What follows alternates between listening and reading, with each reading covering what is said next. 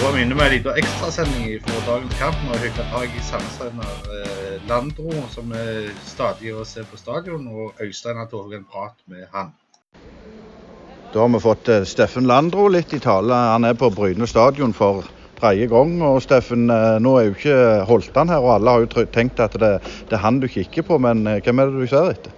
Ja, først og fremst så ser jeg på eh, andredivisjonsfotball. Jeg ser etter alle som, uh, som potensielt kan være interessant. Og, og det, det, er jo en spiller inne nå og spiller for, for uh, Holtan som jeg tror er veldig spennende.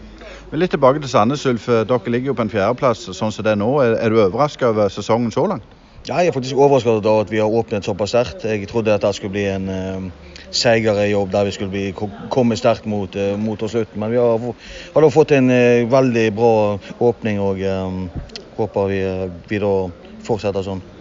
Det er jo en del eh, med fortid i Bryne i, i Sandnes. Har Bryne blitt en, en farmaklubb nå, eller hvordan ser du på det? Hvor er det du skal rekruttere fra i framtida? Ja, altså nå har vi, vi har jo både Adrian og vi har Tord og vi har eh, Grødem der, så, så, det begynner å bli en, eh, en, en del. Det, det, er utrolig kjekt. Det er ekstra spesielt å ha lokale spillere, eh, selv om det er da Bryne-gutter. Bryne så eh, rekrutterer vi alltid etter gode, unge, unge spillere. Og, og det, det, har vel vist seg sånn at Bryne har vært blant de beste i klassen på å um, rekruttere spillere. Men litt sånn personlig så, så, så, var jeg litt redd at du tok litt mye plass som en brauten eh, bergenser. Men, men du har glidd godt inn eh, i Rogaland, ser det ut som.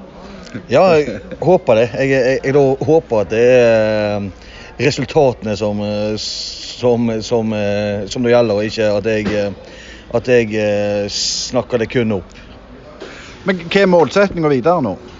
Målsettingen er også å være med og kjempe idrettstoppen ut dette året. her. Målsettingen er å utvikle oss som lag, fortsette å ta, ta, steg, og så skal vi enda et hakk opp til, til neste år.